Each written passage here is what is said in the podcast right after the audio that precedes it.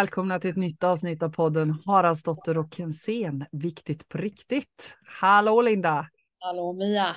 Jag, ser, jag måste bara rätta till för jag ser att min, min eh, kamera sitter helt snett. Det var jättestörigt. Så. Det var helt strulig hela dagen idag så det är inte superkonstigt.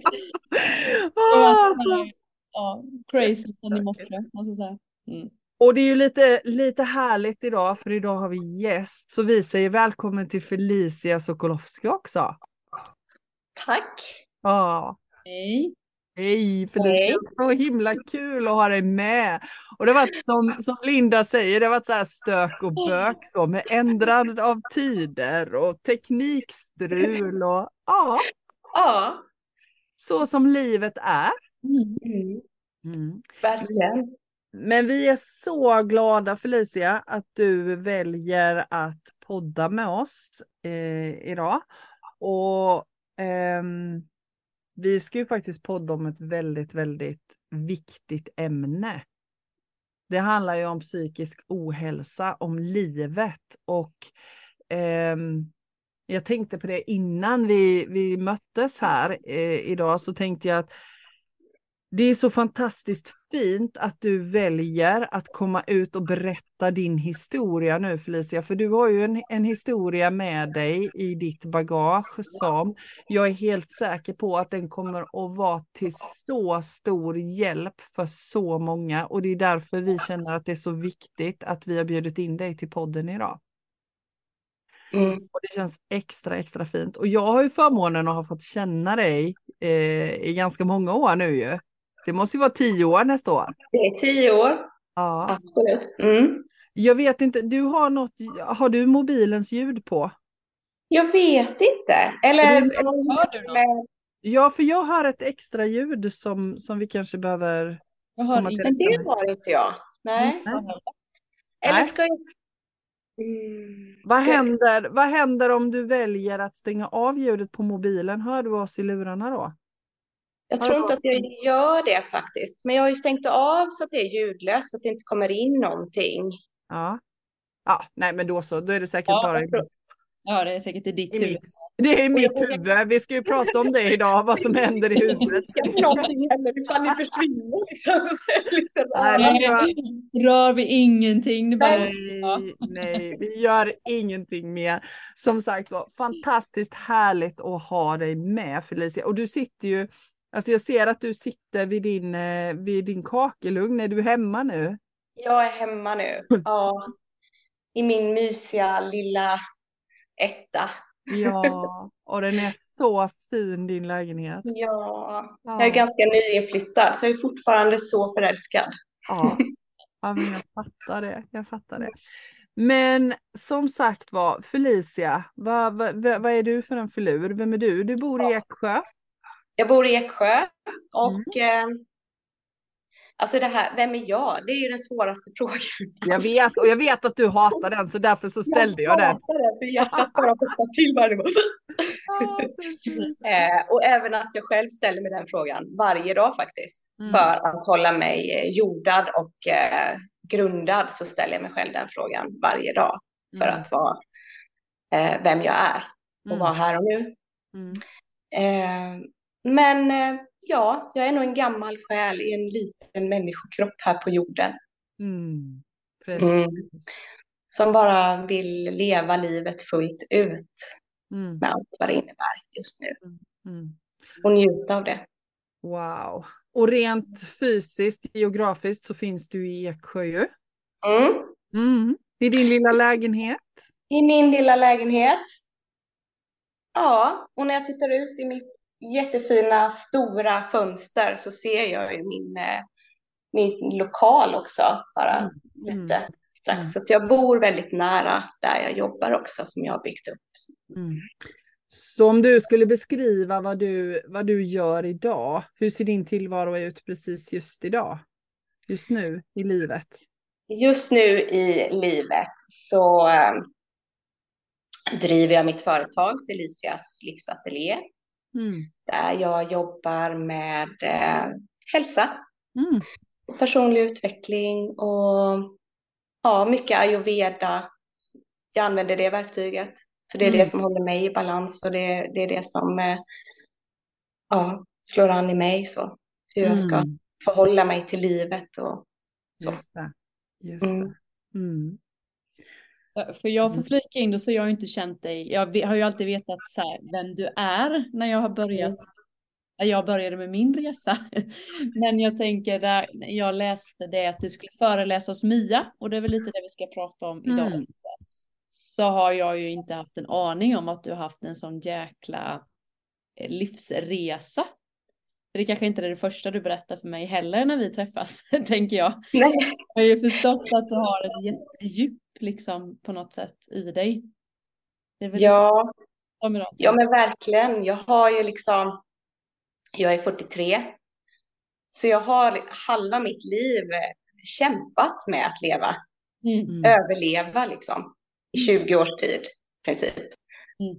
Tills vändningen kom då jag istället har vänt på det, att leva. Mm. Så ja, det har varit både mörker och ljus. då, för jag vet ju liksom inte så himla mycket heller. Och så börja från början. Början liksom med din livshistoria. Ja, nej men jag var väl ett, bara ett vanligt litet barn, men väldigt så här, eh, tillbakadragen och lite blyg och, och så. Eh, men ett lättsamt barn som gjorde, ja, precis som man sa till mig göra, gjorde inte så mycket väsen om mig, om man säger så. Eh, och sen så har jag nog alltid varit ganska djup och eh, känt mig annorlunda. Så. Mm, och sen började jag eh, i samband med puberteten och tonåren och flytt och separation och ny miljö och allt det där. Mm. Eh, så började jag tappa fotfästet. Så här, jag, jag tappade vem jag var. Så. Och då var jag bara 12 när, när det blev riktigt så här, när jag gjorde ett riktigt allvarligt försök att eh, försöka ta mitt liv. Så. Mm. Mm. Mm. 12 år, då är man inte gammal. Nej, det är man inte. 12-13 år, det var precis innan jag skulle börja sjuan. Mm. var det. För att jag var så nervös för att börja sjuan med nya vänner och en ny miljö och så. Då tyckte jag att det var mycket lättare om jag bara dog. Just det, just Mm. det. Så då valde du att försöka avsluta ditt liv och, och jag tänkte Ja. vad hände sen då? Vad hände då? Ja, men det hände inte så mycket. Vi fick ju, jag och min mamma hamnade ju liksom akut på sjukhuset och så fick vi träffa, fick vi ett samtal med två kuratorer som eh, lugnade ner min mamma och sa att hon kunde vara lugn för att de upplevde mig som en trygg tjej. Mm. Så vi fick åka hem. Just Eh. Och jag var ju allt annat än trygg. Jag var ju väldigt vilsen och eh, osäker och rädd. Helt enkelt. Jag ropade ju på hjälp där. Men det här var bara saker du hade i dig som du inte kunde förmedla då när du var 12 år egentligen. Alltså det var... Ja, precis. Det var bara ett inre kaos var det. Mm. Och, och jag, hade, jag var inte, jag pratade inte om det. För jag visste inte själv vad det handlade om. Så. Men det syntes inte på dig liksom ut. Nej, det syntes inte på mig. Och under den, eh, jag började ju högstadiet dagen efter och började min nya klass. Fick nya Ja. vänner och så. Nej. My Eh, God! Så du ja. gick till skolan dagen efter du hade försökt avsluta ditt liv? Ja, och inför min nya lärare och inför min, mina nya klasskamrater så fick jag ju liksom så förklara att jag hade missat första skoldagen för att eh, jag hade fått så ont i magen så att jag fick åka till sjukhuset. Så. Och det, var, det kunde Oj. bli så ibland. Så Oj. att, eh, och sen bara fortsatte jag lite som, försökte vara som alla andra. Så jag Mm. dolde, jag hade ett självskadebeteende och där började ju mina ätstörningar också. Eh, men det dolde jag väldigt bra.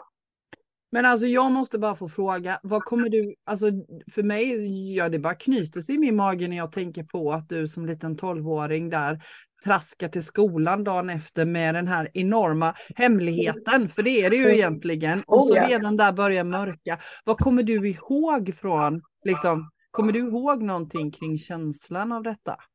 Men jag kände mig bara så ensam. Mm. Jag var så ensam och Mm. samtidigt jag bara, att jag bara fick eh, bita ihop. Just det. Så. Men om jag Mm. får fråga, hur försökte du ta ditt liv då när du var 12 år? När jag var 12 så var det ju eh, i försök med att ta överdos på Alvedon. Mm. Ah. Väldigt mycket Alvedon. Min mamma var inte hemma och det var ingen som var hemma. Eh, och mamma hade plockat hem eh, sin medicin. Alltså så här, så jag, jag tog liksom en efter en efter en tills alla kartor var, eh, var tomma. Och sen så började jag må väldigt dåligt och min bror kom hem Mm. och hittade mig i detta tillstånd då och ringde min mamma och så fick vi åka in till sjukhuset. Och, jag behövde inte magpumpas utan jag fick dricka kol istället. Mm. Då. Just det. Ja. Så det var min bror som upptäckte mig och ja, det gjorde han eh, några gånger efter det också. Mm. Som du skulle beskriva, sen, sen gick du där i, i sjuan och mörkade och försökte passa in Ja, och var mer och mer, ja, mer och mer destruktiv, tänker jag. Ja, men ab- absolut. Eller... Mm. Jag var ju så blyg och osäker och rädd. Mm. Så när, eh, alltså redan i sjuan, åttan så hittade vi ju hittade vi alkoholen så, och festandet. Och där kunde jag låtsas vara någonting som jag ville vara. Jag kunde vara pratig och modig och rolig och Mm. sådär. Ehm, mm. Men jag var ju alltid den som blev, alltid blev alldeles för full också. Och fick Ah. bli buren hem alltid. Mm. Så. Just det. Ja. Så, Och jag gjorde väl vissa signaler hos hemma att jag inte mådde bra, att jag var deppig. Och på den tiden så gjorde de ju väldigt mycket reklam för det nya lyckopillret som fanns. Det var det nya. Eh, att man skulle må så bra om man tog de här lyckopillerna, Prozac. mm. Och det sa jag ju till min mamma. Det var också en signal att jag mår inte så bra. Mm. Och jag letade efter solresor på text-tv, restresor och ville bara ta mig till solen och må bättre för att jag mådde inte bra i mörkret och så vidare. Mm. Ja, Men jag, jag tänker där, där och då, för det var ju liksom där någonstans som du började ropa på hjälp, fast du kanske Mm. Det så högt då, som du säger, Nej. eftersom du var blyg och försynt. Vad, vad hade du behövt? Vad hade du behövt där? Hade det kunnat finnas någonting som hade förändrat händelseförloppet? Som, jag som- vet inte, för jag tror ju fortfarande på att vi alla har en livsresa att gå igenom. Mm. Eh, men där var det ändå så här små signaler som kunde ändå bromsats upp med att eh, jobba med min självkänsla. Alltså få, få förståelse för att jag tappade mig själv, att jag inte hade någon självkänsla. Mm. Det var det. För det är Mm. det jag tänker, alltså jag tänker på alla de som vi har som lyssnar på vår Mm. podd nu, som sitter där Mm. med, med tonårsbarn hemma, Mm. eller man kanske har jobbar med tonårsbarn. Så, så det är därför jag ställer frågan. Mm. Finns, det, finns det någonting som du skulle vilja skicka med? Vad, vad ska jag göra? Har jag tonårsbarn hemma som mår dåligt? Vad ska jag göra? Eller vad ska jag göra som lärare om jag ser att jag har en liten Felicia i min klass?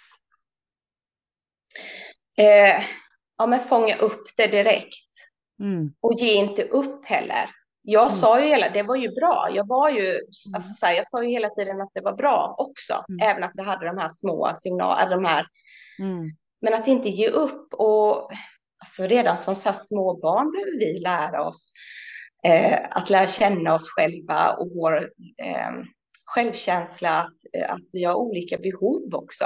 Mm. Att vi är olika, att vi är eh, i så olika format och har helt olika behov att mötas upp i och bli sedda på också. Mm.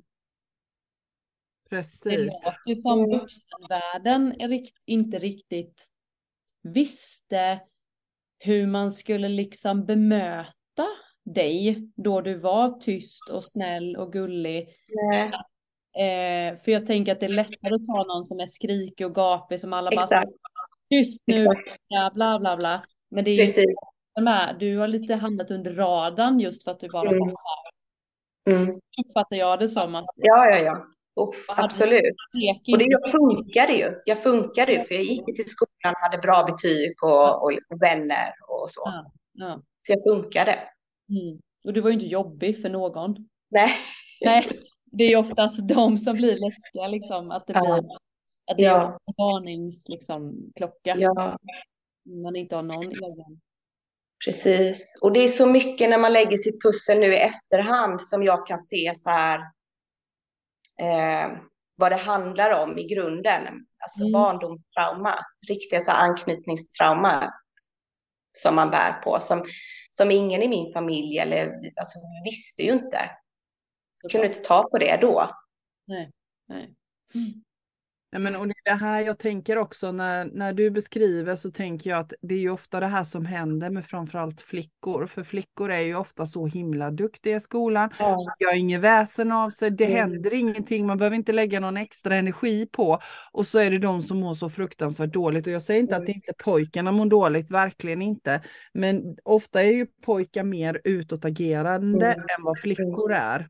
Mm. Det är så vanligt. Är Ja, så vanligt. Ja, och jag tänker igen då, du och jag Linda, vi pratar ju jättemycket om det här med förändringen i, i skolan, att det måste till Mm. en förändring så att vi kan möta alla barn där de är, både pojkar och flickor. Och för mig blir ju din resa Felicia ytterligare ett bevis på det, Mm. att, att vi måste det. Och de stackars lärarna gör så gott de kan, men systemet ser ut som, alltså man hinner inte det så som det ser ut idag.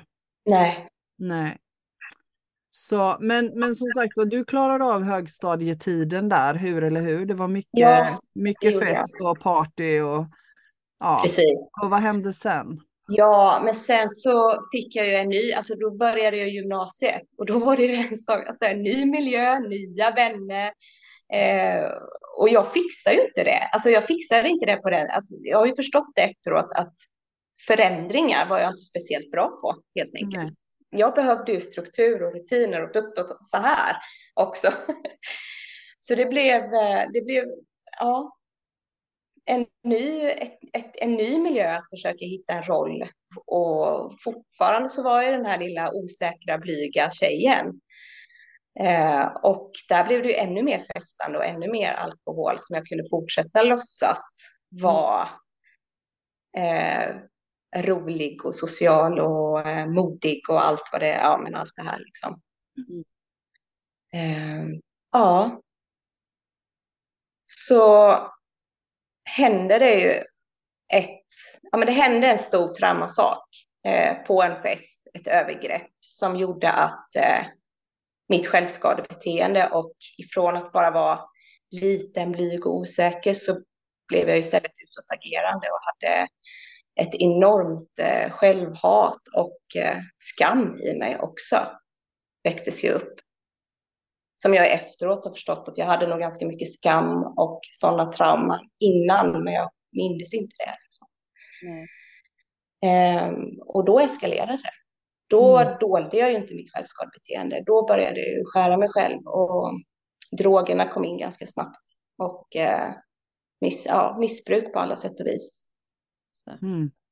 faktiskt. Mm. Men det var fortfarande som, som såg liksom och plockade dig till hjälp. Jo, Jo. att, jo den, vid det här i gymnasietiden så var det fullt synligt och jag blev upplockad. Mm. Jag Mm. blev upplockad för jag hamnade, jag försökte ju med så många självmordsförsök Mm. eh, och hamnade ju jag, gång på gång på sjukhuset med olika överdoser och olika försök Mm. som jag misslyckades med då. Eh, så att jag blev upplockad och jag hamnade, när jag hamnade inom vuxenpsykiatrin så fick jag ju också eh, jag fick en diagnos att jag var schizofren Mm. eh, och blev medicinerad efter det. Och jag blev ganska, inte ganska, jag blev tungt medicinerad på, av, för min ångest som jag hade jättestora problem med. Mm. Eh, och det gjorde ju mig ännu värre faktiskt. Det gjorde mm. mig ännu mer avstängd och bortkopplad från mig själv. Men om jag får backa då, vad var argumentet till att de satte dig på den diagnosen? Schizofreni? Ja. Ja, men det har jag. Så jag, har försökt, jag, har försökt jag har beställt hem mina journaler och försökt att kolla var någonstans exakt, alltså vad är, alltså vad är kriterierna för att bli satt på det? Liksom, men helt plötsligt så bara fanns den diagnosen i journalen. Alltså, så här, det bara, den bara står där liksom, så här, och så följer den så. Mm. Eh, men jag pratade om en värld och energier som, mm. eh, som jag längtade till och ville komma hem till. Eh, och jag pratade om eh, ja, men att jag hade en extrem hemlängtan och att jag, det gjorde alldeles för ont för att leva här och jag vill inte vara här längre. Just det. Så det var liksom, eh, och det, det känner du fortfarande? typ? Kanske inte lika starkt? Jo, absolut. Eh, jag har inte, men självklart har jag, alltså så, men inte, det är ju inte destruktivt och det är inte obalanserat som det var då. För då var men det, men det är så spännande, för jag tänker så här att det här är ju det vi pratar om i den andliga mediala världen och du är ju i den också Felicia idag. Eh, alltså, och, och, det är det Tetta pratar om. Tetta var hos oss och pratade om sin bok där hon har beskrivit hur hon jobbar i psykiatrin och möter detta. Mm. Eh, och, och, utifrån det så i, inte nog med att din resa är inspirerande eftersom du idag, det kommer vi komma till, lever ett väldigt väl fungerande och har ett bra liv. Och att det går, men också hur viktigt det är att belysa vad är det som är vad och vad sätter mm. vi olika ord på. Och, och jag menar det du beskriver för mig är ju solklart det som, som vi jobbar med när vi jobbar med den mediala världen. Mm. Mm. Men det blev så fel fokus, för det blev mm. verkligen, det blev bara fokus på det och då mm. skulle det sättas in insatser på just det. Ta mm. bort mina röster, ta bort psykos. Mm. Mm. Men det, det blev ju absolut inte så. De här rösterna eller det försvann ju liksom inte, utan jag fick ju bara så här djävulska biverkningar av medicinerna. Mm. Som i sin tur framkallade alltså så här, eh, hallucinationer och röster mm. kanske, eller sådär. Inte var superhärliga då, för jag tänker de första rösterna du pratar om mm. kanske var väl lite, lite trygghet för dig också eller? Ja. Alltså ja. Det, så som det är för mig idag också, liksom att man har en trygghet Precis. i Precis. den delen på något mm. sätt. Och det ville de ju plocka bort då.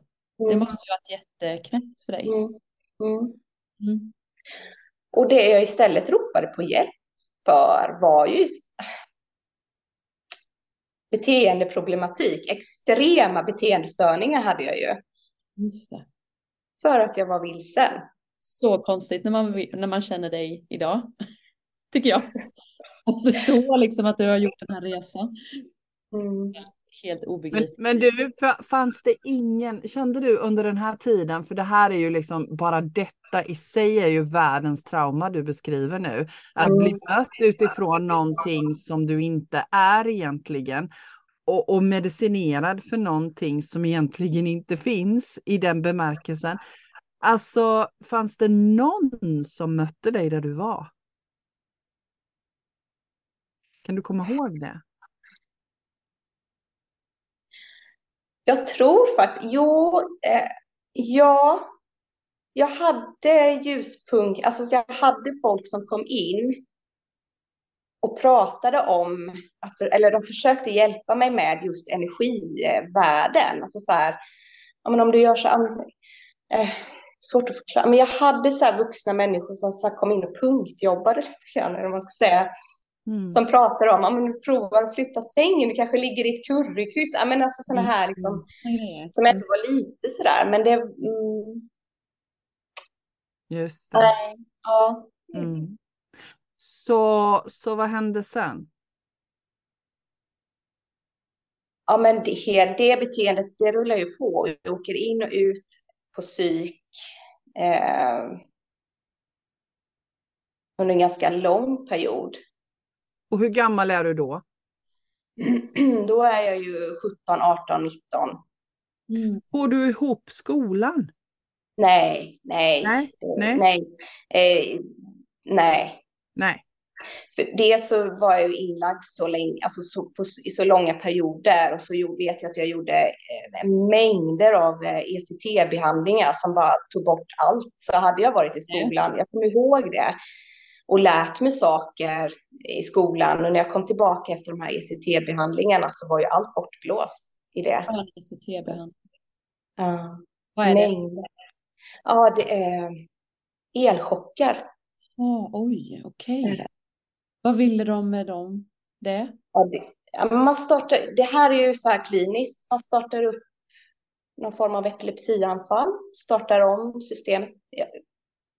Ja, Det är ett ganska känt eh, behandlingssätt för, för eh, inom psykiatrin.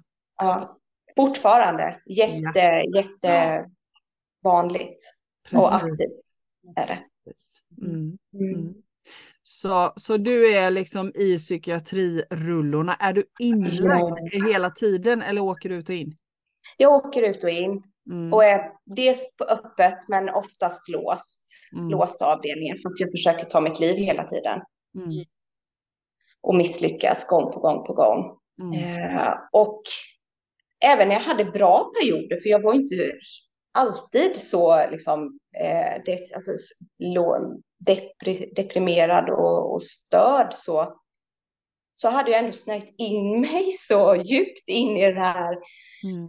spiralen av destruktivitet så att jag inte visste hur jag skulle ta mig ur det. För folk förväntade sig att jag skulle vara på det sättet också. Och jag själv också hade kvar de mönstren. Så även att jag fick energi och liksom hade bättre mående och perioder så var jag ändå snabbt in i för att jag Mm. Just det. var kvar i det där mönstret och miljön och allting. Liksom. Mm. Just det. Så, och, och händelseförloppet sen? Vad händer sen? Om du går vidare i tiden? om jag går vidare i tiden. Så till slut så gör jag ju en riktigt stor, ett stort eh, eh, försök att ta livet av mig då jag bestämmer mig för att eh, hoppa framför tåget. Eller hur? Ja. Och om du skulle berätta om den situationen, för den är ju helt, alltså den är ju helt way out liksom. ja, den är ju helt otrolig faktiskt. När man... Ja. Ja men det är den. Och Den också för det. mig, för mig så är den ett bevis på att vi vandrar här på den här jorden så länge vi ska. För det du kommer Mm. och, och jag hoppas att du har lust att dela den upplevelsen med oss eller berätta Ja, för oss. För, Ja, för det går inte att överleva det du har överlevt utan Nej, men att det gör det finns en det. sju jäkla anledning till det. det gör inte det. var det så. Mm. Vad sa du? Nej, men jag bara känner hela min kropp, jag blir så här, får gåspäls utan ens jag vet vad som ska Nej, men det var liksom så här, alla försök jag gjorde, och en del, en del var liksom rop på hjälp, absolut, små försök, alltså så här, men en del var riktigt allvarliga och, och ändå fick man höra så här, att jag, du vill ju, du vill ju inte dö, för då hade du gjort det. Mm. Men jag, jag försökte, jag kunde ju verkligen, alltså jag kunde inte dö. Eller Mm. så här, jag försökte ju verkligen så här. Så när jag bestämmer mig för att, ah, men okej, jag hoppar framför tåget då, för det dör man av. Det, det, så är det liksom. Eh, så jag går till stationen den dagen i december 1999. Och kollar ut eh, vilka tåg som eh, är på väg in och när och vilka spår och sådär. Och så går jag längs tågspåret. Mm. Och så ser jag ett tåg komma långt där framme och det är inte från det spåret jag har valt ut utan det är ett annat spår men jag väljer snabbt så här, men jag tar det tåget istället. Så jag liksom så här byter spår eh, och, och så ställer jag mig i position så här med blicken mot tåget och det tutar och tjuter och bromsar och försöker liksom, de ser ju mig där liksom. Mm. Eh, men jag står kvar för jag har ju bestämt mig. Precis innan tåget kommer så nära så ångrar jag att jag står med ansiktet emot tåget. För jag vill inte skada mitt ansikte. Påfängan in i det sista liksom. Mm. Mm. Så jag snabbt vänder mig om eh, med ryggen emot tåget och eh, drar upp luvan på min stora pälsjacka så. Och så tar jag händerna för ansiktet. Och sen blir det bara svart. Och sen vaknar jag upp när tåget har stannat på magen, platt på magen under, eh, under en vagn och inser att jag lever. Sjukt. Och Ja, det, ja, då klättrar jag, eller jag ålar mig ut och vill bara ta mig hem för att jag vet vad konsekvenserna blir. Eh, jag har gjort det så många gånger förut så jag vet ju liksom att jag kommer eh, inte få komma hem utan jag kommer hamna på sjukhus. Men då möter jag lokföraren som är jätteskärrad och eh, jag ställer mig och skäller ut honom för att han har kört tåget inte tillräckligt bra. För att jag lever ju fortfarande. Mm. just det. Mm. Mm, och han i sin tur säger att det är ett mirakel att jag står här. Så. Mm. Eller hur? Ja. För det var ju också så, jag vet du har beskrivit det för mig eh, Felicia, Mm. att det satt ju dessutom snöskär på tåget. ja, ja, ja. Alltså, det finns det ingen var- plats. Nej, det finns ingen. Alltså det var jättemycket snö den perioden på spåren och överallt. Och det var snöplogar på loket. Mm. Och som jag har fått till mig, mina föräldrar ringde ju till Banverket, de ville ju veta exakt vad det var som hade hänt sen, hur det hade gått till liksom. Eh, och de fick det förklarat att det är omöjligt att ens, alltså ens hamna under eh, loket och om du gör det så, så trasas du sönder liksom. Ja, Men och det är jag- massa el och, och grejer Ja, som går där ja. under, så det går inte. Nej, det går inte. Jag ålar ut och jag har ett blåmärke bak på mitt bakhuvud och jag har ett blåmärke på min eh, vad. Och inte en eh, enda tufs på eller skråma på min kropp. Det är Inte helt, någonting. Mm. helt magiskt. Vad tänker Ja. du själv när du hör dig berätta detta? Liksom? Vad... Men det är, jag har ju inte, det är ju nu som jag bara, eller ja, men den sista tiden, det är, det är ett mirakel. Det är Ja. häftigt, det är det. Mm. jag är så tacksam att, eh, precis som vi pratar om, att vi kan inte riktigt... När det är dags för oss att dö så ska vi dö, liksom. men det är inte alltid vårt val att göra det, liksom, när vi ska dö. Så. Nej. Nej, eller hur? Men Så, du har inga minnen då liksom? Du får ingen sån här känsla att du blev liksom kärleksfull? Ingenting? Nej, alltså, nej, det hade jag ju gärna. Jag hade jättegärna. Man får ju en inre bild av liksom en ängel som bara så här skyddar Mm. liksom, får man ju. Faktiskt, ja, men eller hur, man har ju det. Jag har alltså bara så här, men jag har inte dem, jag så, men jag tänker att jag blir så här nedtryckt. Är så, det bara är någonting som bara, ja, Lite fri av något slag. Liksom. bubblar, ja, så. Mm. Eh, Man har ju talas så mycket om skyddsänglar liksom. Alltså ja. det begreppet och Ja, men gud, de jobbade så hårt med mig då på den tiden. De, eh, de eh, hade högsäsong. mm. Mm. hade Men alltså har du pratat med han lokföraren efter? Han måste ju fått en sån bara chock. Att du bara Ja, ställer dig. men gud. Alltså jag har jätte... Nej, man får inte prata med lokföraren efteråt. Nej. Eh, och de blir ju omhändertagna av ett traumateam och så. Mm. Mm. Oh, shit, vilken historia. Så, men, men du liksom, när du ålar ut därifrån och tänker att nu måste jag dra för att annars blir jag låst. Vad, vad händer sen då? Du skäller ut lokföraren för han är så Ja. för han inte har Jag kört över dig ordentligt. och han säger att det är ett mirakel och han Ja. får övertala mig till att stanna. Mm. Så, så kommer ju, kommer ju alla insatser, alltså ambulans och sånt som kommer. Mm. Jag kommer inte ihåg så mycket därifrån. Nej. Så, mer än att jag hamnar som vanligt då på, på Mm. IVA och så ska jag bli undersökt och så Mm. kommer mamma eh, Mm. som vanligt Mm. med andra, alltså så. Mm. Mm. Och sen blir jag ju inlagd i några dagar. Och det här har jag ju läst i mina journaler sen, att jag ville ju ut, för att det var millenniumskiftet. Och man ska inte, det är inte kul att ligga inlagd på psyk när man ska fira millenniumskiftet. Nej, det är Nej. ju inte bästa stället kanske. Nej. Så jag blev utsläppt där till eh, millenniumskiftet. Mm. Mm. Mm. Och, och efter den här upplevelsen då, händer det någonting med ditt mående eller är du fortfarande kvar i den här dåliga spiralen med må dåligt mående? Nej, men jag är inte det. Men det är så himla konstigt för efter varje självmordsförsök så mådde jag som, alltså, jag, det är väl lite så det funkar kanske att man får, jag fick energi och mådde Mm. väldigt, väldigt bra efter det. Och Mm. liksom, okej, nej men då Mm. så här, jag, ja, det blev Mm. något.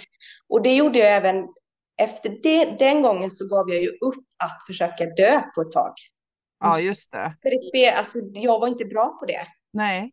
Nej. Eh, så då försökte jag istället att förändra mitt liv. Jag eh, flyttade, bytte miljö, bytte vänner, bytte liv. Så, Mm. Mm. eh, så att jag flyttade till en ny stad och började plugga och hade Mm. ändå ambitionerna till att liksom förändra mitt liv. Jag ville ju göra det. Mm. Så man kan säga Mm. att du försökte ändå där att, att göra någon form Ja. av nystart, tänker jag. Ja, ja, det gjorde jag. Det gjorde jag Hur gammal är verkligen. du här nu då? Är du, då är Då gymnasiet är jag ju och hela, 20. Då är jag 20. då är du 20 i alla fall. Mm. Mm. Mm. Och hur gick Mm. det där i den nya staden? Ja, men i den nya staden så gick det ju ett tag. Mm. Men så har man ju kvar fortfarande lilla osäkra, blyga jag Mm. Just det. och rädda och eh, samma mönster. Så att eh, det blev ju lite värre val, för det var en större stad, lite lättillgänglig. Men det var värre val av vänner Mhm. och relationer och eh, droger. Just det. Mm. Mm. Men jag försökte inte försöka dö i alla fall, utan jag bara försökte. Jag levde på där och under den tiden hade jag också blivit eh, sjukpensionär, sjukskriven eh, och hade inkomst via Försäkringskassan på grund av att jag var. Jag hade ju förlikat mig också med och accepterat att jag var schizofren. Just Mm. Jag trodde att det var sant. Mm. Ja, det blev liksom min identitet eh, och att jag hade depressioner, ångestproblematik och ett öppet missbruk. Eh. Men schizofrenin blev lite också så att jag kunde så här, eh, bete mig eh, extra galet för att jag behövde inte ta några konsekvenser av det. Ja, just det. Ja, just det. Mm. Egentligen hade jag inte några psykoser eller var psykotisk eller hade inte alls någonting av det där. Nej. Men jag kunde liksom spela lite på det och folk kunde tycka lite synd om mig och jag fick bekräftelse och empati. bekräftelse och så fick du lite, lite sjukdomsfördel där. Ja, liksom. ja, Mm. verkligen. Mm. Och en inkomst också, jag behövde inte jobba heller. Nej, det var ju bra. Det gagnade mig lite grann där faktiskt, Mm. tyckte jag ju då. Mm. Ja. Så, men gjorde du några mer självmordsförsök efter det här tåg? Ja, jag gjorde ett, två år Mm. senare Mm. gjorde jag. Mm. Och det var ett stort eh, självmordsförsök, eller så. Mm. Och jag har inte mycket minnen av det. Och jag vet inte, eh, för att jag, ja, nej men jag har inte mycket minnen av det. Jag vet inte hur länge jag låg innan jag blev hittad och sådana saker. Mm. Men du gjorde ett till i alla fall Mm. och sen Mm. Bestämde du dig för att nu räcker det eller vad, vad hände? då? Nej, nej. Eh, Nej, jag bara fortsätter och ganska snabbt där blir jag pang bom kär i Ah. min eh, då, eh, min dotters pappa. Så. Just det. Just. Ja, och där kom förändringen i mitt liv. Så du gjorde, du gjorde egentligen förändringen i ditt liv när du skulle bli mamma. Ja, Det blev jag. driv, drivkraften Ja. i att göra en förändring. Oh, ja. Mm. Eh, det var inte alls populärt att, jag, att vi blev gravida. Eh, alla fick jätteont i magen och jag Såklart. blev såklart. Det är absolut. Vi var Mm. absolut inte det man vill se som föräldrar. Nej. Absolut inte. Han också med Eh. gäng där lite? Han hade inte heller. Han mådde Nej, inte vi mötte, bra. ja men gud, vi mötte sitt missbruk. Just det. Mm. Ja. Mm. Och eh, han tyckte inte, ja, men vi kan börja, han tyckte inte synd om mig och han tyckte inte alls att jag var sjuk. Så jag kunde inte, så jag kunde inte spela på det heller. Just det. Vilket gjorde att jag slutade tvärt med alla mediciner. För jag åt så mycket mediciner på den tiden. Mm. eh, ståendes mediciner. Mm. Och eh, när jag träffade honom så, så trodde inte han på det där. Eh, och jag lyssnade på honom. Så jag gjorde min egna medicinavgiftning själv i min lägenhet när jag var ensam. Stängde in mig i två veckor och detoxade mig. Gjorde jag. Den, sen- den är grym. Den är ingenting jag rekommenderar någon att Nej, göra. det är det jag tänker. Jag- Absolut Mm. inte. Absolut inte. Men hade Det är kände du att du var tvungen att göra det själv, att du inte hade tillit till andra eller vad, vad var det som gjorde att du var tvungen, att du vill, valde att göra det själv? Göra det själv. Ja, vet du det? Nej, det, jag brydde mig inte. Jag, alltså jag hade redan, jag, nej. Jag Nej. bara visste att nej, jag ska inte ha de här medicinerna längre och jag visste vad det skulle innebära att avgifta mig. Eh, och då ville jag göra, då gjorde jag det själv. Just det. Mm. Mm. Mm. Oj. Ja, Men, men var du... Var, förlåt, vad sa du Linda? Då var du inte gravid. nej, nej, jag var Nej. inte gravid. Nej, det var min fråga också. Ja, precis. Var men, men jag var inte det. Alltså jag tror att det tack, alltså för att jag slutade med alla de medicinerna Mm. så blev jag gravid eh, bara en månad efter det. Och jag Ah. kunde inte bli gravid. Min läkare och, och så, jag kunde inte bli gravid. Just det. Mm. Eh, Mm, just det hade det. jag liksom också väldigt tydligt fått till mig. Dels på grund av ja, men mitt levande och mediciner och allting. Så min kropp funkade inte så. Men det gjorde den. Efter så, så blev du gravid när du hade det också. När jag hade slutat med alla mediciner. Och då när jag blev gravid och ingen tyckte ju givetvis att vi skulle behålla det, men jag kunde inte annat, för det var så starkt i mig att det var en sån livskraft som bara skulle Mm. vara. Mm. Eh, och då gjorde jag valet att eh, sluta med alla droger, bli helt drogfri. Och det blev jag i samma sekund som jag gjorde det valet och har varit det i 20 år. Så, Mm, wow. ja, Alltså jag, varenda hårstrå står upp på min Ja. kropp just nu. Och jag som har förmånen att känna din, din underbara dotter också. Jag fattar ju liksom att det finns inget annat alternativ än att hon skulle kliva ner på den här jorden hos dig. nej, nej, nej, nej. Mm, Så wow. då, ja, Men, men jag har en fråga där. Var graviditeten ett medvetet val eller var det sådär att det bara blev? ja, men det bara blev såklart. Ja, ja. Ja, gud. Det, det bara blev. Och när det blev så kunde jag inte annat än att det var bara självklart att det skulle Mm. vara så. Mm. Eh, och ja. Och det blev bara så naturligt att jag var drogfri och att jag förändrades. För jag förändrades över en natt under Mm. själva graviditeten. Mm. Dels på grund av att min kropp var eh, drogfri och ren. Så att den Mm. kunde så växa och utvecklas. Mm. Och jag fick kontakt med mig själv. Mm. Eh, och sen när hon föddes så fick jag ju en, en, eh, en, alltså att jag fick en ny roll, Mm. En ny mening med livet och ett, att ta ansvar, att känna kärlek för, ja, för Mm. någon annan än än mig själv. Så. Mm. Wow. Mm. Så, men det kan ju inte ha varit helt enkelt att ifrån den platsen i ditt liv där det förekom jättemycket mediciner, destruktivt liv, droger och så helt plötsligt kliva in i rollen av att vara mamma och drogfri och medicinfri och försöka hitta en tillvaro att stå på. Ja. Men jag fick ju lära mig, lära mig på nytt att vara en sund vuxen. Alltså att vara vuxen. För jag var ju inte vuxen innan. Jag hade inte lärt mig de här vanliga basala sakerna liksom. Nej. Eh, så det fick jag ju lära mig på nytt. Att, Mm. eh, hur man gör. Precis. Ska du arbeta? Ska du plugga? Ska du ha en utbildning? Ska du ha ett boende? Ska det vara liksom så här Ja, basala saker så? ja, ja, Ska du äta? Ska du sova liksom? ja. Så här. precis. Det blev ju tänkte jag med barnet också liksom, som du var tvungen att... Du behöver Ja. vara ju tvungen att liksom ha lite rutiner blir det naturligt. Ja, gud. Och, och jag kanske är det just det också så som föll på. Så att jag, hade, jag var så, jag hade verkligen så här rutiner. Till, alltså så här, jag, jag var jättenoga med hennes rutiner så här, under så. Så att jag nästan blev Mm. Min familj bara, men gud, är det så himla nog? Ja! mm. Längs hela vägen. Men sen är det ju att byta, alltså jag byter ju inte miljö för att jag gör ett val att förändra, eller för att jag förändras. Så det är ju ganska många steg till en förändring. Mm.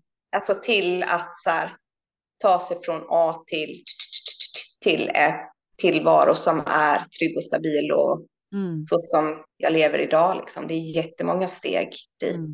mm. Men du hade fortfarande i denna nya staden, jag kommer inte ihåg vad du sa, men du flyttade. Mm. Är det där mm. du skaffar barn och det är där du har hela, eller flyttar du tillbaka till din hemstad? Nej, Nej, Nej vi, när vi blev gravida så hade vi kommit in på en skola uppe i norr, ute på landsbygden. Det, nu förstår man förstår ju varför. För det var en sån läkande miljö att vara i. Det fanns ju inga distraktioner eller någonting. Det var liksom en folkhögskola och ingenting annat. Så att det, eh, det var fokus på det under graviditeten. Det var där vi bodde då. Där bodde du då? Wow. Ja.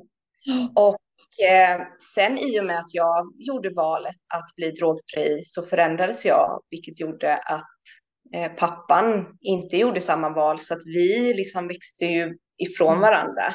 Eh, och det är ju det, de stegen också, att ta sig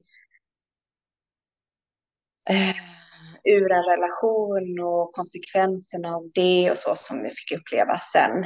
Eh, vilket resulterade till att jag och min dotter fick fly eh, till min hemstad, här till min familj. Mm. Vi fick lämna allting för att det var våldsamt och hotfullt och mm. Mm. trauma. Mm. Och, och jag tänker så här att det är, för, det, det, är ju liksom helt självklart att det här är jätte jätte, jättemånga steg till där, där du sitter mm. idag i din fina, ja. fina härliga lägenhet och din underbara välmående dotter och, och, att du jobbar med det du gör och hjälper andra människor. Eh, jag menar, det är ju inte en quick fix och jag vet ju att du har lagt jättemycket hårt arbete. Det är liksom både blod, svett och tårar. Men vad, vad skulle du säga är vad är skillnaden? Vad är det som gjorde att du liksom verkligen, ja men idag lever du precis som du skriver i, i eh, texten till föreläsningen. Idag skriver du, du lever ju ett, ett välmående liv idag, du har ett bra liv. Du, du gör det du vill göra, du lever på det sättet du vill. Så vad skulle du säga är det som faktiskt gjorde att du, eller har gjort att du är där du är idag? För det är ju inte helt givet. Nej, det är inte helt givet. Fast jag, alltså mindre, alltså det, jag är ändå säker på att vi skapar den över våra liv hela tiden. Mm. Hela tiden ska vi liksom ha det, att vi kan alltid göra val. Mm. Och nya val och nya val och, och mm. tills och ta oss dit vi vill vara. Vi är mm. inte fast i någonting för att vi tror att vi har eh, att vi ska, alltså vi är inte fast i någonting. Vi kan alltid göra förändringar. Mm. Och leva så som vi vill leva. Mm. Eller hur? Och det du säger nu tycker jag är så viktigt att skicka med till alla er som ja. lyssnar. Om ja. det är någon som sitter och, och, känner igen sig i hur du och lever på det sättet som du mm. levde tidigare, mm. att det är aldrig för sent. Nej, det, det är aldrig för sent. Alltid. Det, det går, går alltid. alltid göra val och det är så här, det är inte från ena valet till andra valet så blir det från mörker till ljus. Det behöver, men det är små val, små steg gör att det till slut mm. eh, att du till slut hamnar där du, där du vill vara. Liksom. Mm. Men också hårt arbete Felicia, för jag tänker ja. att du har jobbat hårt och du oh, har gjort många val som, mm. som du har liksom, ja men som har inneburit saker för dig. Men att det mm. har varit värt det alla dagar i veckan antar jag. Ja, ja, alla dagar i veckan. Jag skulle inte kunna, nej men jag skulle inte kunna tänka mig att eh, idag som jag sitter nu så kan jag inte tänka mig någonting annat än att, att fortsätta göra det här jobbet som jag hela tiden, jag ser ju mitt liv som att jag liksom lägger mitt livspussel Mm. Eh, och för varje pusselbit jag hittar och förstår om mig själv Mm. och lägger på plats så bara driver det mig vidare att fortsätta så här förstå mig själv Mm. eh, och lära känna mig själv och eh, älska mig själv och leva här fullt ut. Mm. Så. Eller hur? Så himla fint. Mm. Och jag, jag tänker i det som du gör idag, för jag menar känner man inte dig så finns det ju ingen som kan ana eller förstå vilken resa du har med dig och vad du har för, för livs, eh, ja men vilka spår du har tagit, vilka, vilka steg du har tagit i ditt liv. Och jag tänker att vi är så snabba vi människor med att döma varandra och det är ingen Mm. av oss som vet vad någon annan har gått för väg för att vara där vi är idag. Mm. Eh, och det, det är så himla vackert att du är där du är idag. Mm. Mm. Men jag förstår ju att det är ju, alltså jag har inte, som sagt, jag har inte pratat om min, in, den här, det här bagaget som jag har. Jag har inte pratat om detta Nej. eller varit öppen med detta Nej. på, under hela den här tiden, eh, ja men 10-20 års tid liksom. Mm. Men jag förstår ju idag att det är ju därför jag gör det jag gör idag, på grund av mitt bagage. Mm. För att jag eh, jobbar med varje dag att må så bra jag bara kan, att hålla mig i balans. Att eh, om jag inte sköter och tar hand om mig själv så, så har jag väldigt lätt för att falla in i ohälsa eller att inte må bra. Mm. Jag måste ju hela tiden göra mitt jobb och ta hand om mig själv. Mm. Både min, in, mitt inre och gå in i, i alla de här Mm. Ja, sakerna vi har med oss ifrån generationer och, barndom och hela det där. Men också mitt dags, eh, dagsjobb att balansera mig och Ja, Då blir man ju ändå så nyfiken. Vad är det som är viktigast, viktigast för dig i din vardag för att hålla dig i balans liksom? Mm, för att hålla mig i balans så behöver jag respektera att eh, eh, jag behöver äta mat som jag mår bra av efter säsong till exempel. Men det som jag har hittat att jag behöver för att hålla mig liksom på, på jorden här grundad. Om man tar det ayurvediskt eh, perspektiv då. Mm. Jordar mig lite, smörjer mig, håller mig varm. Jag behöver vara ute i naturen mycket. Jag behöver eh, respektera att jag behöver återhämta mig. Eh, jag behöver gå in och minska på intryck och eh, meditera och, och lugna ner mitt system. Mm. Ofta, för om jag inte gör det så är jag här uppe och är superstressad Mm. och påslagen. Och det kan du känna då när du är där så vet du, oh nu är jag här igen. Då gör du direkt liksom, så, så har du valt liksom, att göra, kanske tacka Ja, nej till något eller, eller har du kommit så långt att du, ja, ja, ja, ja. det är ju lätt att veta vad man behöver men sen inte göra. Eller hur? Eller hur? Men det är ju där, alltså det är ju det där steget. Men det är också helt okej så här att längs vägen acceptera och omfamna sig själv när man kör i diket eller rakt in i en bergvägg. Att så här plocka upp sig själv igen. Okej, Mm. nu gjorde vi, nu var vi här igen. Liksom. Okej, det är okej. Mm. Mm. Och jag tänker, du har ju hittat, du har ju hittat ayurvedan som är din väg i livet där du kan hitta eh, sånt som gör livet bra för dig, tänker jag. Ja, Det där ser ju också olika ut för alla, men att hitta sin Precis. väg Det är i ju att ha det. något att hålla sig i. Ja, för det, ser ju, det finns så mycket alternativ till att hitta sin väg som slår an i dig. Vad, vad ditt språk är. Mm. Mm. eh, som funkar. Och det är ju det, det har vi ju pratat om så mycket, liksom att eh, alla de här, och vi jo- jobbar med så olika saker men ändå är det en och samma sak. Mm. Mm.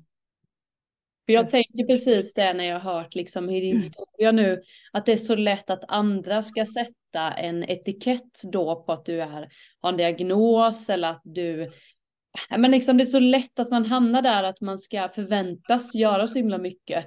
Medan Mm. för det kanske är återhämtningen mycket större än, än någon annans återhämtning. Och Mm. att det är lätt att tänka att man är så här fel. Varför, varför kan inte jag orka lika mycket? Eller varför, Mm. eh, varför behöver jag äta den här maten på vintern? Alltså jag, jag kan känna igen det själv. Och jag har ingen diagnos på något sätt. Det är bara att jag känner väldigt tydligt, tror jag. Mm. Vad Ja. jag behöver och vill och kanske inte alltid gjort utan bara vetat om men inte gör. För Mm. att man vill vara som alla andra eller någon annan har Mm. sagt att du har ADHD eller du är Ja, ja högkänslig eller man bara slänger med massa liksom, man bara sätter stämplar på folk hela tiden och så Mm. precis som för dig att man säger, ja ah, just det men jag är ju en sån person ju. Mm. Och så fastnar man där. Det där tycker jag är liksom är livsfarligt. Mm. Det är samma Felicia på ett sätt. Det är bara att du omfamnar Felic- Felicia nu också. Mm. Ja, ja, ja. Ja, men vi är ju allt och ingenting.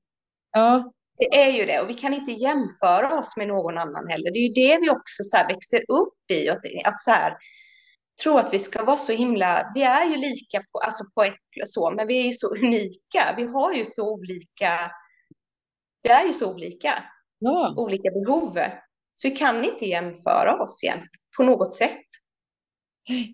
Och jag tror Mm. man har, och jag bara hör liksom, eh, men det, det jag tänkte på också när du sa försökte ta livet av dig första gången, Mm. gjorde det med Alvedon, att det Mm. tas inte lika på riktigt allvar som att du kanske skulle tagit en annan Nej, medicin. eller hur? Nej, men är precis. så, ah, inte, inte för gulligt, det är taskigt av mig Ja, att säga, men fattar. förstår du känslan av att man inte liksom Och- försökte bara lite. Ja, Eller något. exakt. Ja, Det kan bli så mycket värdering i det också, att det kanske inte spelar någon roll om något barn gör Mm. det eller man som barn visar någonting annat, att det är så himla viktigt att det lilla kan vara så himla stort i en. Så upplevde jag när du pratade nu också om din Ja. resa, liksom att det förlöjligades lite, det där, jo, ja. när du var Mm. topp. Mm. Var tvungen att göra det större och kräva, det blev liksom svårare och svårare för att folk skulle fatta liksom. Mm. Du själv fattade ju inte, men Nej. Nej, men det blev ju så. Det blir, till slut blir det ju så hög, alltså till slut ropar man ju så högt så att det blir ju så, ja, Mm. Jag kan ju Men tänka, det jag har ju väldigt också döttrar i, och jag har faktiskt lite, de börjar också komma upp i tonåren. Och man har ju tänkt så många gånger så här att man vill ju, man vill ju hellre ställa en fråga för mycket och vad den jobbar än att Mm. fråga alls. Mm. Men det kan ju också bli väldigt jobbigt för någon som inte vet. Ja. Står det vad jag menar som Mm. förälder? Ja, Alltså, ja, ja, ja, ja. det. Så man så Det här, är frågar. För det är också så här, säger de. Och så bara, och så frågar man igen, så, men sluta fråga. Och man bara, ja, jag vill bara Men det är fråga ju tio gånger till. För att jag vill inte vara föräldern som inte har frågat. nej men precis. Och det finns ju också en rädsla vi har i oss att vi inte vågar fråga för att vi tror att vi ska väcka upp någonting som inte finns. Ja, Den har jag Sa du något? också. Det kan jag känna. Jag kanske inte ska fråga, nu tror inte jag de mår dåligt, men jag vill ändå fråga liksom för att måste tänka sig kanske dumt att fråga, precis som du sa nu, att och kanske jag sätter något i henne som inte, Ja, eller de. men nej. Mm. Det är bättre att vara där hela tiden och fråga och vara skitjobbig. Är det Mm. inte bättre? Jag tänker både som lärare, föräldrar, Mm. Mm. kanske bara en eh, kom mamma till en kompis, eller vad som helst, kusins barn eller någonting. Får man den där känslan av att det inte stämmer eller någonting så Mm. Är det inte rekommendationen att fråga då? Jo. Hade du inte velat Jo. det när du var... jo. Jag hade velat det och jag försökte inte ta livet av mig, men jag vill också att folk skulle fråga kanske Ja. gånger innan jag var... Jo, det är så här. Ja, men precis. Nöj dig inte med, ja men det är bra, inget vadå? Så här, nöj dig inte med det om du känner att det inte är det. Alltså så här, Precis. Som Mm. förälder liksom. Jätteviktigt. Mm. Ja, och det kan vara liksom typ bara kompis eller vad som håll också, men lita Mm. på det där, för ibland kan det ju vara att man oroar sig för att man har haft en egen historia som gör att man är Ja. orolig. Den, det, och det där är ju lite sånt där skikt som man får försöka känna av. Men jag tror man känner på riktigt när det är liksom på riktigt. Ja. det känns i magen att det att man behöver fråga en gång till för att det var inte riktigt det Mm. man fick. Så. Jag vet Mm. inte. Det var väldigt, för jag har varit lite så, det är så kul, eller det är ju så när man får tonårsbarn nu tycker jag. Mm. De blir lite tystare. Mm. Mm. Mm. Och den tiden, tonårstiden, det behöver inte vara jobbigt, men den är ju för de allra flesta Åh. så splittrad. Det, det händer ju mycket. Mm. Hörni, jag tänker så här, klockan Mm. springer och jag vet att ni två har båda två åtagande. Tack för att du tar ansvar för det. Detta, ja, någon måste ju styra upp det här och det är alltid hon som är äldst som gör det. Men Felicia, jag bara är så ödmjukt tacksam över att du väljer att dela din historia faktiskt officiellt för första gången i Mm. vår podd. Och det känns så fint och jag är så tacksam å alla lyssnares vägnar. Eh, för jag tänker så här att det kommer säkert att vara många som har nytta av att höra just din historia. Men jag skulle vilja fråga dig, är det någonting som du känner, ja men det här måste jag bara få sätta ord på innan vi avslutar? Finns det någonting kvar som du känner att, ja men det här vill jag också säga? Eller det här vill jag skicka med till de som lyssnar? Mm, nej, men bara ta hand om er och var lyhörda till, eh, lyssna på dig själv, ta hand om dig själv och är du en anhörig så lyssna på, på dig själv och ta hand om dig själv som anhörig också. Mm. Och, och absolut som anhörig, ge inte upp, var hoppet där om hoppet tillfälligt inte finns hos den som mår dåligt. Precis. Mm. Precis, ja men vad fint. Jättefint. Det var så fantastiskt vackert att få ha dig med Felicia, eh, verkligen. Och vi har ju bokat in två stycken föreläsningskvällar på mitt skafferi. De är fullbokade båda två, men om det är någon som lyssnar och känner gud, jag vill höra detta, så hör av er. Man vet aldrig, det kan bli återbudsplatser och får vi ihop eh, jättemånga så kanske vi får överväga Felicia och köra fler kvällar. Ja, precis. Ja. Ja, Mm. super. ah, ja, vad härligt. Och likadant Felicia, om det nu är någon som vill komma i kontakt med dig, eh, Mm. eh, känns det okej för dig då? Ja, Vi oh, lägger ja. ut kontaktuppgifter till dig. Gör det. Yes. Mm. Mm. Mm. Perfekt. Mm. Härligt. Tusen Ja. tack. Tack för att jag fick vara med. Mm. Och ta hand om er så hörs vi. Och tack till alla er som lyssnade. Ja. Hej! Hej!